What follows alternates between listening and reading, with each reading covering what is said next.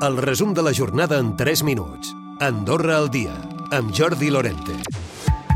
Faltaran metges d'aquí a uns anys. Així ho vaticina la presidenta del Col·legi de Metges, que veu una prioritat de la política sanitària augmentar la plantilla de professionals de la salut.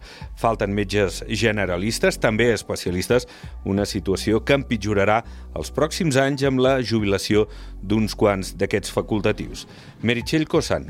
Has d'oferir algo que et puguis fer ser competitiu o, o ofereixes un hospital de tercer nivell superpunter i allà tindràs tots els metges amb unes ambicions i aspiracions científiques i d'investigació i de divulgació molt, molt importants o ofereixes qualitat de vida o ofereixes un bon salari. Els caps de llista nacionals a les pròximes eleccions del 2 d'abril veuen poc assolible la proposta de la plataforma sindical de la funció pública sobre respectar les condicions de jubilació que s'incluïen en l'edicte amb el qual van entrar a treballar. Aquesta era una de les 12 proposicions que van presentar en una trobada amb els candidats. Per cert, Liberals d'Andorra ha estat l'única formació que no ha respost al qüestionari. I la plataforma veïnal Estimem Arinsal ha recollit ja 1.300 signatures en les primeres 24 hores de la campanya iniciada a Change.org per aturar el creixement incontrolat del quart.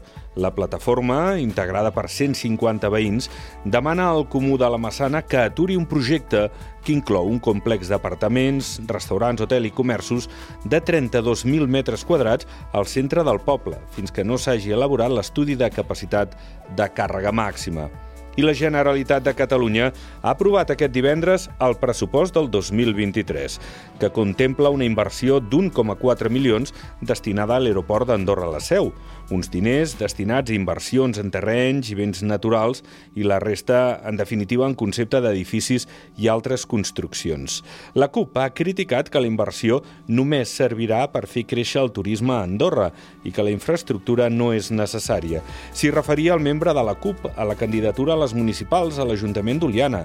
És l'Arnau Quingles. Aquesta dotació pressupostària va en contrapartida a inversions destinades a millorar les condicions de vida de la gent treballadora del Pirineu, com serien millorar i dotar de més i millors serveis públics i de les infraestructures necessàries pel dia a dia.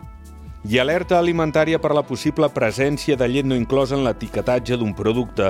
Concretament es tracta de la beguda d'ametlla de la marca Alpro en envasos d'un litre amb data de caducitat del 16 d'agost del 2023 i l'Institut de les Dones vol impulsar una enquesta de gènere considerant que per poder avançar en la igualtat és fonamental disposar de bones dades. Ho ha avançat la secretària general Montserrat Ronchera. L'executiva d'aquest Institut de Dones està format per Maitena Manciet, Pilar Armengol i Esther Font. Les entitats feministes han decidit que la representant serà rotativa per trimestres, dues per Acció Feminista i dues per a l'Associació de Dones. Recupera el resum de la jornada cada dia a AndorraDifusió.d i a les plataformes de podcast.